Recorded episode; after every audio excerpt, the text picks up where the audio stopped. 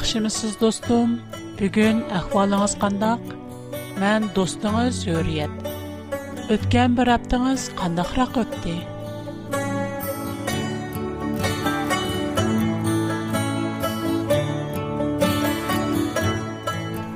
کب دوستم. کنم ایبلن алдыраш آرسته قطربلا اولدراش یتکت بردو. نمی‌گیشند Бу дөньяда адамның хаяты эқимбек тұрақсыз бұл деген, әмі шындақ мәнісіз дейші батылы. Сіз қандақырақ достым, азыр сіз қош алмы. Күліріңізді мәнілі кес Навада достым, өзіңіздің немі қылышыны білмей ғанғырап қалған болсыңыз, рухи бошлық сізіні орып алған болса, کلان دوستم. پروگرام امیدن سیز آرزو کردن، اما تبال میوکن. نه دور انگان دک. برخ تلوخ یا کی استایدل انگش کا پرسه بول میکلگان حقیقت نیب. قلب از گه تسلی تب. فقط خدا لا آدم گه معنیک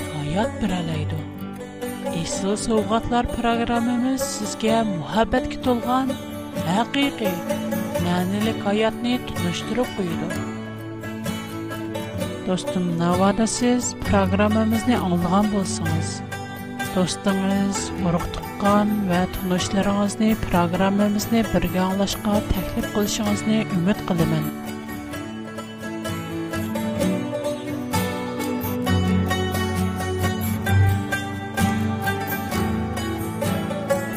Гәнкә сәхпәтембез, сездән һәрбер тал чечәңгез санаохлык. Турмышымызда даим мондах мисаллар очрап турды. Мен Худога шиммән, иман кәлтәрмән. Барлыгымны, үземне, бүтенне белән Худога таемам. Худоа минең бердем бер юлдан чугым. Һирак әмеле турмышыбыз, әмеле şirkәтебезгә килгәндә, кванҗлыгыбыз ئېغىزىمىزدىن چىققان مۇشۇ سۆزگە ئەمەل قىلالايمىز تۇرمۇشىمىزنى مىسالغا ئېلىپ كۆرەيلى ھەممىمىز توغرا مەن خۇداغا ئىشىنىمەن ئىمان ئېيتتىم ئۇنىڭ سۆزىنى ئاڭلايمەن ئوقۇيمەن دەيمىز ئەمما شەخسىي مەنپەئەت توقۇنۇشىغا كەلگەندە ھەر دائىم ئۆزىمىزنىڭ شەخسىي مەنپەئەتىنى ئويلاپ ئەنسىرەپ خۇدانىڭ بىز ئۈچۈن مول ئىلتىپاتلىرىنى ئۇنتۇپ قالىمىز Kur'an-ı Kerim 1. Sure Fatiha 2. 3. ayet. Cimi hamdü sana alemlerinin perverdigari Allah'a xastır. Allah naiti şefkatlik ve mihribandır. 3. sure Al-İmran 3. 4. ayet. Özüdün ilgirki kitaplarını təsdiq qılğıcı haq kitabını nazil qıldı. ایلگری انسان‌لرگا یول کرست کشقلب تورات بلن انجیل نی نازل قلعان ایده. هخ بلن باطل ن ایرقچی کتاب نی نازل Алланың شخصیز инкар الله نع آیات لر نی Алла قلعالر ختیق ازاب کا دچار بوده. الله غالب تر. خدیلیت استم بیین Мен сіздерге бу икайын айтпулған айкен, сізден бу икайдын чонғур савақ айлышын азды үміт қылымен. Муқаддас китаб, Таурат, Даниял язған китаб, бірінджі бабден, үчінджі бабден, мундах бір тасирлик тарихи ваға хатырлэнген.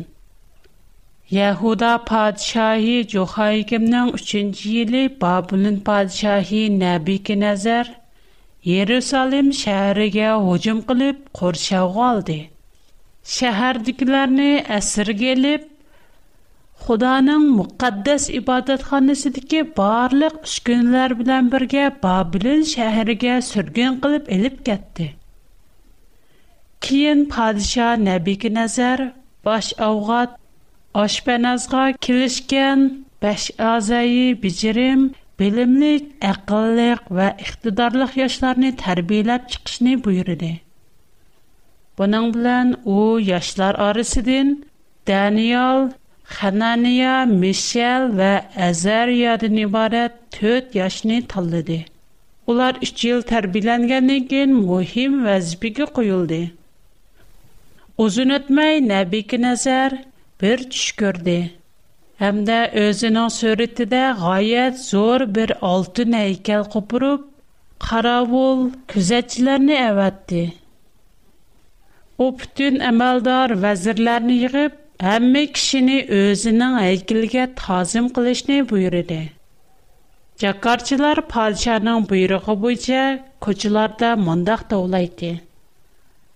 Хәй, халайык! Төт тәрәп, төт әтрап, бәр милләт халықлары аңланлар. Падишадин пәрман шу ки, сілер канай, нәй, музыка садасы аңлыған хаман, дәрхал падиша нәби ки нәзәргә өрмәт білдіріп, оның хәйкілі алдыда тазим итіңлар. Кім ки хәйкәлгә тазим қылмайды кен, чуқум дарҳол от қапизга ташланиб кўйдирилди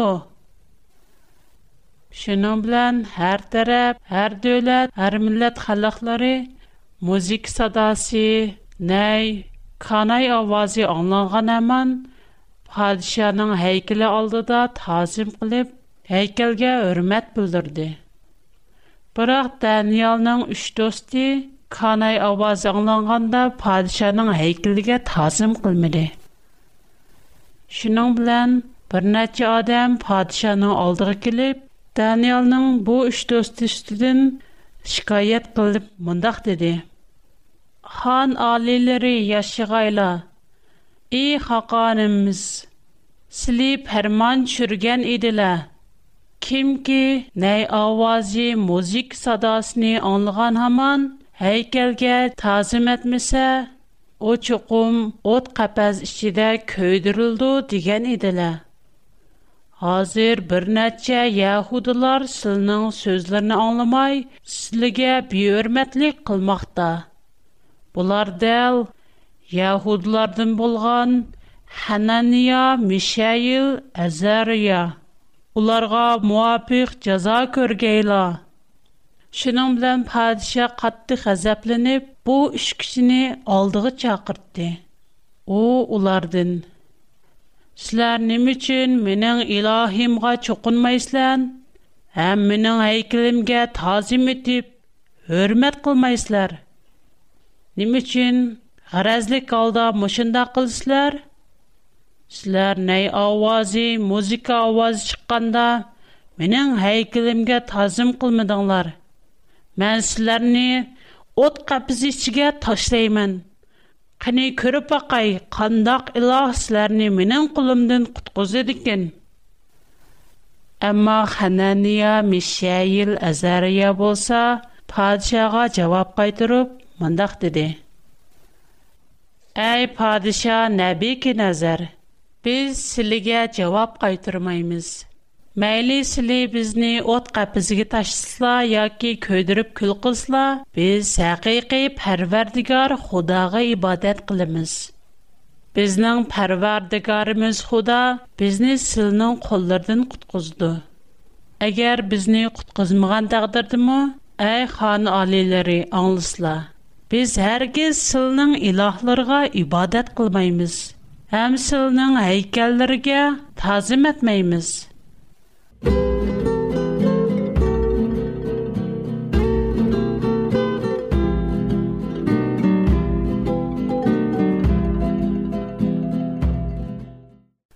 Buning bilan qattiq g'azablangan Nabik Nazar podsha ularni darhol o't qapisi ichiga tashlashga buyurdi. Bu o't qapisi shundoq issiq ediki, hatto ularga yaqinlashgan odamlar erib kulga aylanatdi. Шинан билан падишанын каравуллары бу үч яһуди кишини от капызыга ташташ келип маңды. Улар от капызынын ишин ашканда падишаның каравуллары отның таптыдын ирип күлгө айланып кетти. Бирок Даниялнын бу үч достыга эч неме болмады. Падиша уларны от капызы ичиге ташлагандан кийин Қапазның ішіде төт кіші барлықыны көріп, найтты, әжепленген, хайачаланған алда әтрапы дікілерден сөріде. Сілер от қапазге үч адамны ташлыған идіңлар ғо? Немі үшін мән төт адамны көрдім. Улар әмісі бағланған еді. Бірақ улар әмісі бағлақ йоқ. От ішіде әркен әркет қылып үйреді. Улар әм ярланмеді.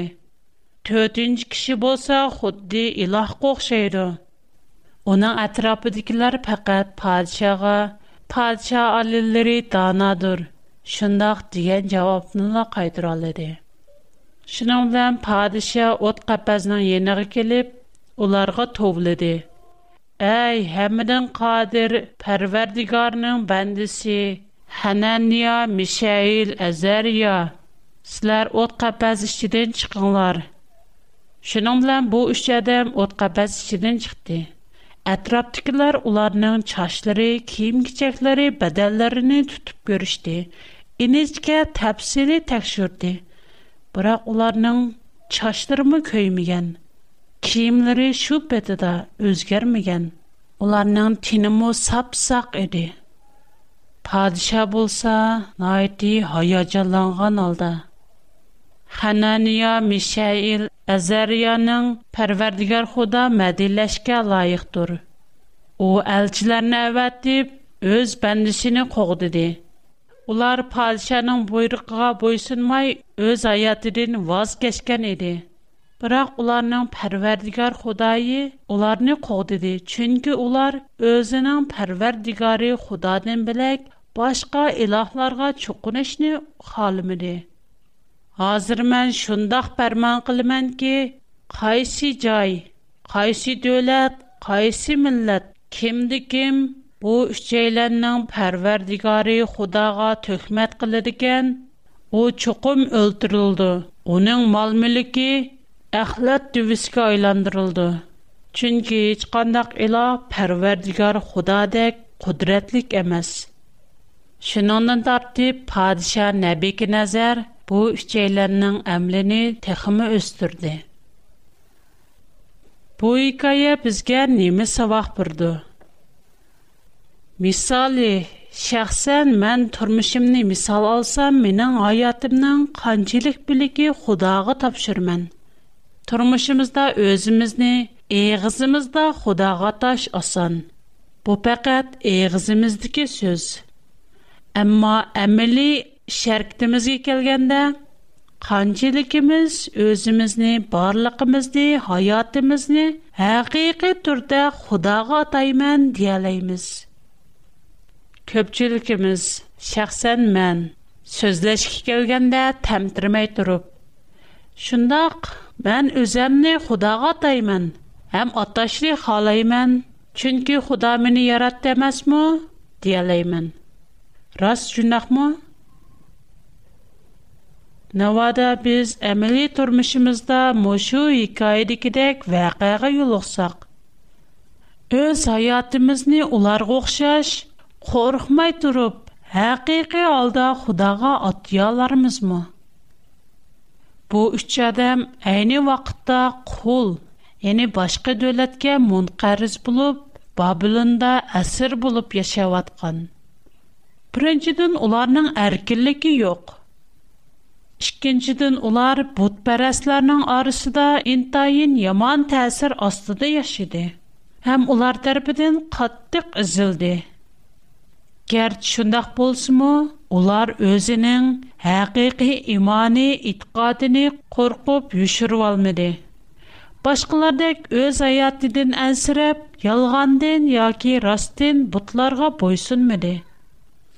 Müqəddəs kitab İncil Vəhilər qismi 21-ci bab 8-ci ayətdə mündəq deyilən: Qorxuncaqlar, imansızlar, qatillər, zinaxorlar, sihrgərlər, butqa çuqunğucular, həm barlıq yalğancılar, onların hamısı otdu köydürüldü. Mana bu ikinci qatımlıq ölüm.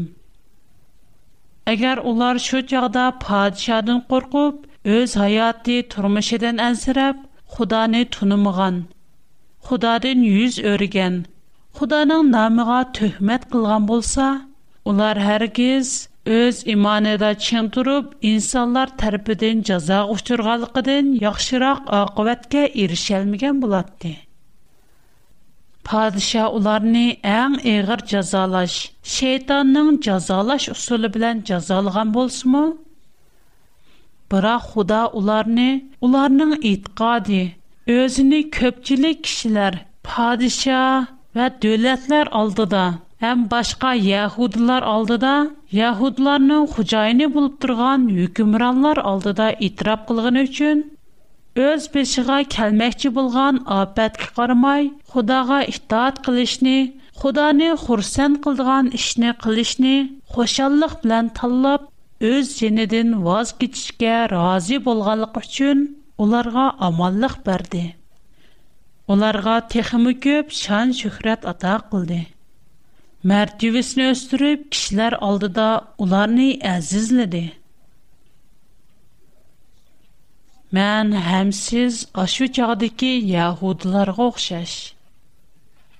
Biz faqat Xudağa etiqad qilishimiz həm bu etiqadimizni köpçülük kişilər aldıda, bizni əzgənlər aldıda, bütün dünya aldıda aşkara çəkarlışımız naiti qiyin.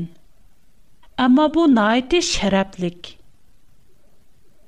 Шейтан әр хил усулларны кулланып, итгатымызга бузгынчылык кылмакчы.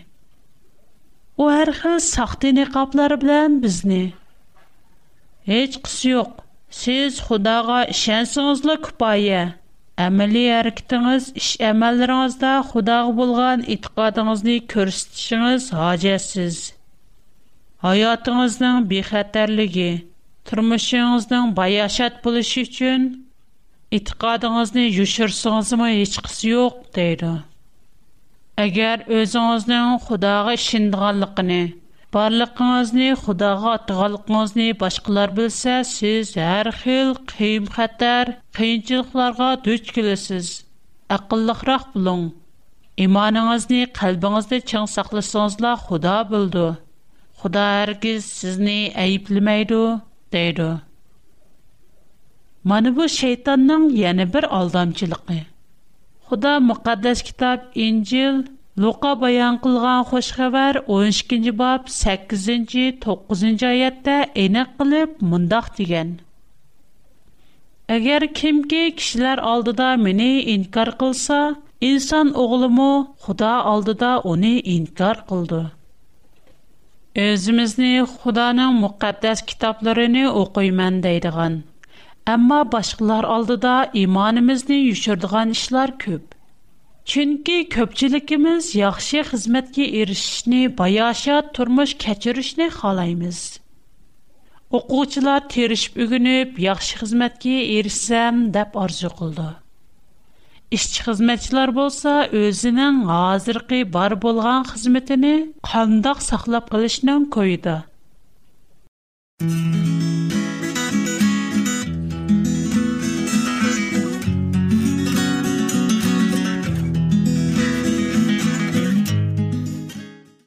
Көплеген кişiler Xudanın müqəddəs aram eliş günü 7-ci gün şənbədə aram elişni xalamaydı və ya ki bilməydi həm unutub getdi.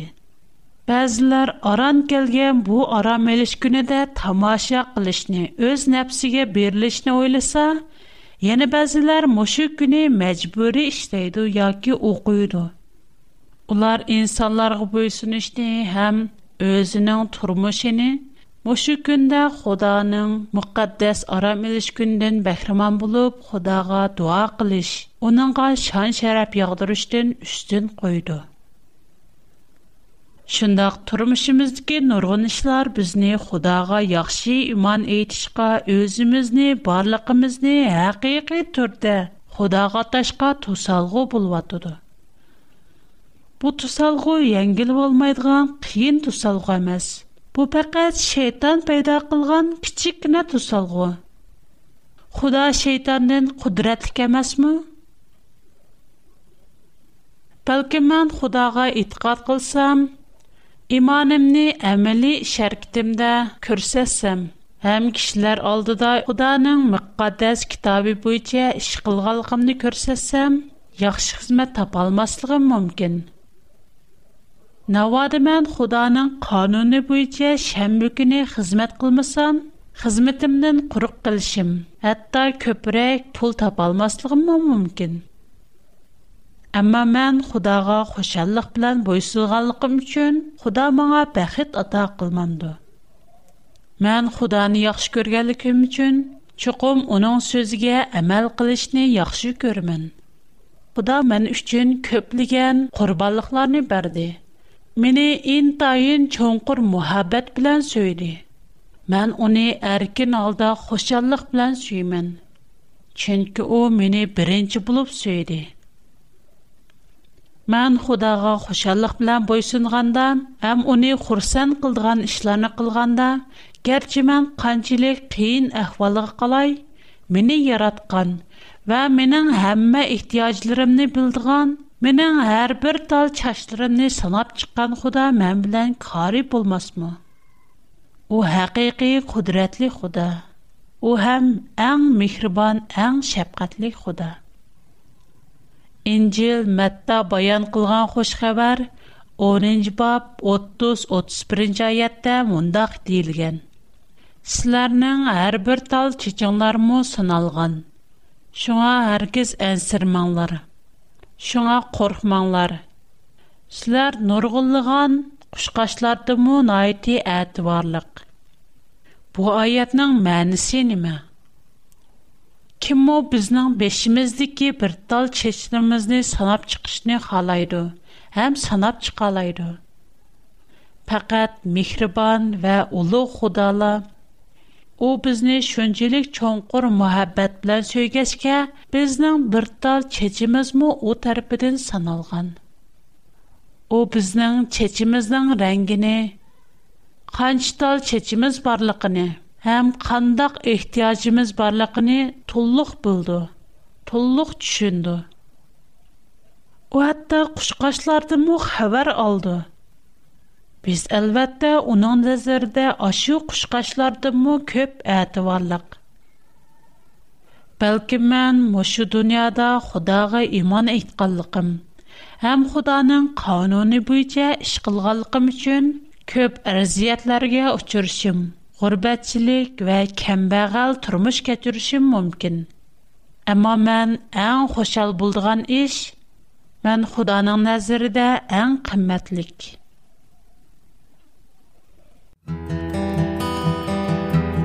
Программа ахырда достумга адресимни деп бермекчимин. Эгер мен билан алоқалашишни халысыңыз, қалам ва қағаз таярлап қойсаңыз, программа ахырда адресимни хатırlап алаласыз. Худа маңа, сизге ва ҳар биримизге Худога имон айтдиган Xudanın qanunuğa boysunishni xalaydigan hər birimizgə cənnətni vədə qılğan. Onun vədisi hər bir cürətlik mömin muxlis üçün. O bizgi verməkçi bolğan bu baylıq bu dünyadakı hər qandaq şöhrət və baylıqdan nəticəsə eşib düşüdü. Aşı baylıqlar həqiqi saxlanılan məngülük baylıq. Худа бәк яхшы. У һәргиз үзенең бандысын ач қоймайды. Мәйли шейтан канҗылык эле кылып, яки яксызны барлыгымыздан айырып койсын. Худа безне унтып калмайды. Куран-Карим 15-шы сура, Хиҗр 45-инҗи аяттан 48-инҗи аят кичә. Тақвадарлар һақиқатан баг-бостанлардан buloqlardan bahramon bo'ldi jannatga omon eson tinch kiringlar deyildi ularning dillaridagi dushmanlikni chiqarib tashlaymiz ular o'zaro qarindosh bo'lgan holda taxtlar ustida bir biriga qarshib o'ltirdi jannatda ularga charchash bo'lmaydi ular jannatdan chiqarib etilmaydi bu oyat Xudanın sözüge şəngan, Xudanın sözü bo'yicha ish ko'rgan har bir jur'atlik muxlis uchun berilgan va'da. Qadrli do'stim, siz mushu va'dani qabul qilishni xolamsiz. Agar xolayman desangiz, undaqda qadrli do'stim, sizni ilhomlantirdiganim qo'rqmang, ansirmang. Xudo sizning ehtiyojingizni bildi. О siz әр эш итеп талап кылмастан бурың, сезнең барлык хаҗәтләреңне түшынип булды. Эсингез дә булсын ки, Худо һәммәгә кадир. Адолатлык вә шәфкатьлик. Бу дөньяның кешеләре вә шейтан сизге элеп түлдегән озап, Худо сизге вәдә кылган бәхет алдыда интайын эрзимәс Bugun siz bilan suhbatlashib, ko'p xursand bo'ldim. Kelar qatim siz bilan yana yuz ko'rishishni, siz bilan paranglashishni orzu qilaman. Yana sizdan xat topshirib olsam, bak xushal bo'laman. Agar menga xat yozishni xohlasangiz, mening tor adresim hurriyat@bigfoot.com. Qayta takrorlay, hurriyat@ bigfoot.com mundaq yazıldı. H U R I Y E T çember içinde A B I G F O O T çikit C O M Мана бу менің тора дырсым. Менің хат адырсым бірінч W, R. Бұлар чоң езілді. Шыкенч құрға чоң P, чеке чоң O, чеке чоң B, кичек O, кичек X, 310. Қастын құрға, чон айт, кичик о, кичик н, кичик джи. Чон ки, кичик о, кичик н, кичик джи. Қайту қыпы дай. Менен хатадарсим. А, В, Р, П, О, БАКС, 310, П, О, БАКС. box 310 Hong Kong. Mening hazircha xato darsim Shangang Yujin Songju Xishan 310 nomer. Agar siz mushu adres xat yozsangiz, men xatlaringizni topshira olaman. Yana undan bilak siz Uyg'urcha, Xanzircha yoki inglizcha xat yozsangiz, men o'xshashda topshira olaman. Yana shu adresni qayta deb biray. 香港邮政总局西向徐所能西的摩。香港邮政总局西向徐所能西的摩。keyingi qatam ko'rishgacha аман bo'ling xudo sizga baxt bersin xo'sh xudoga omonat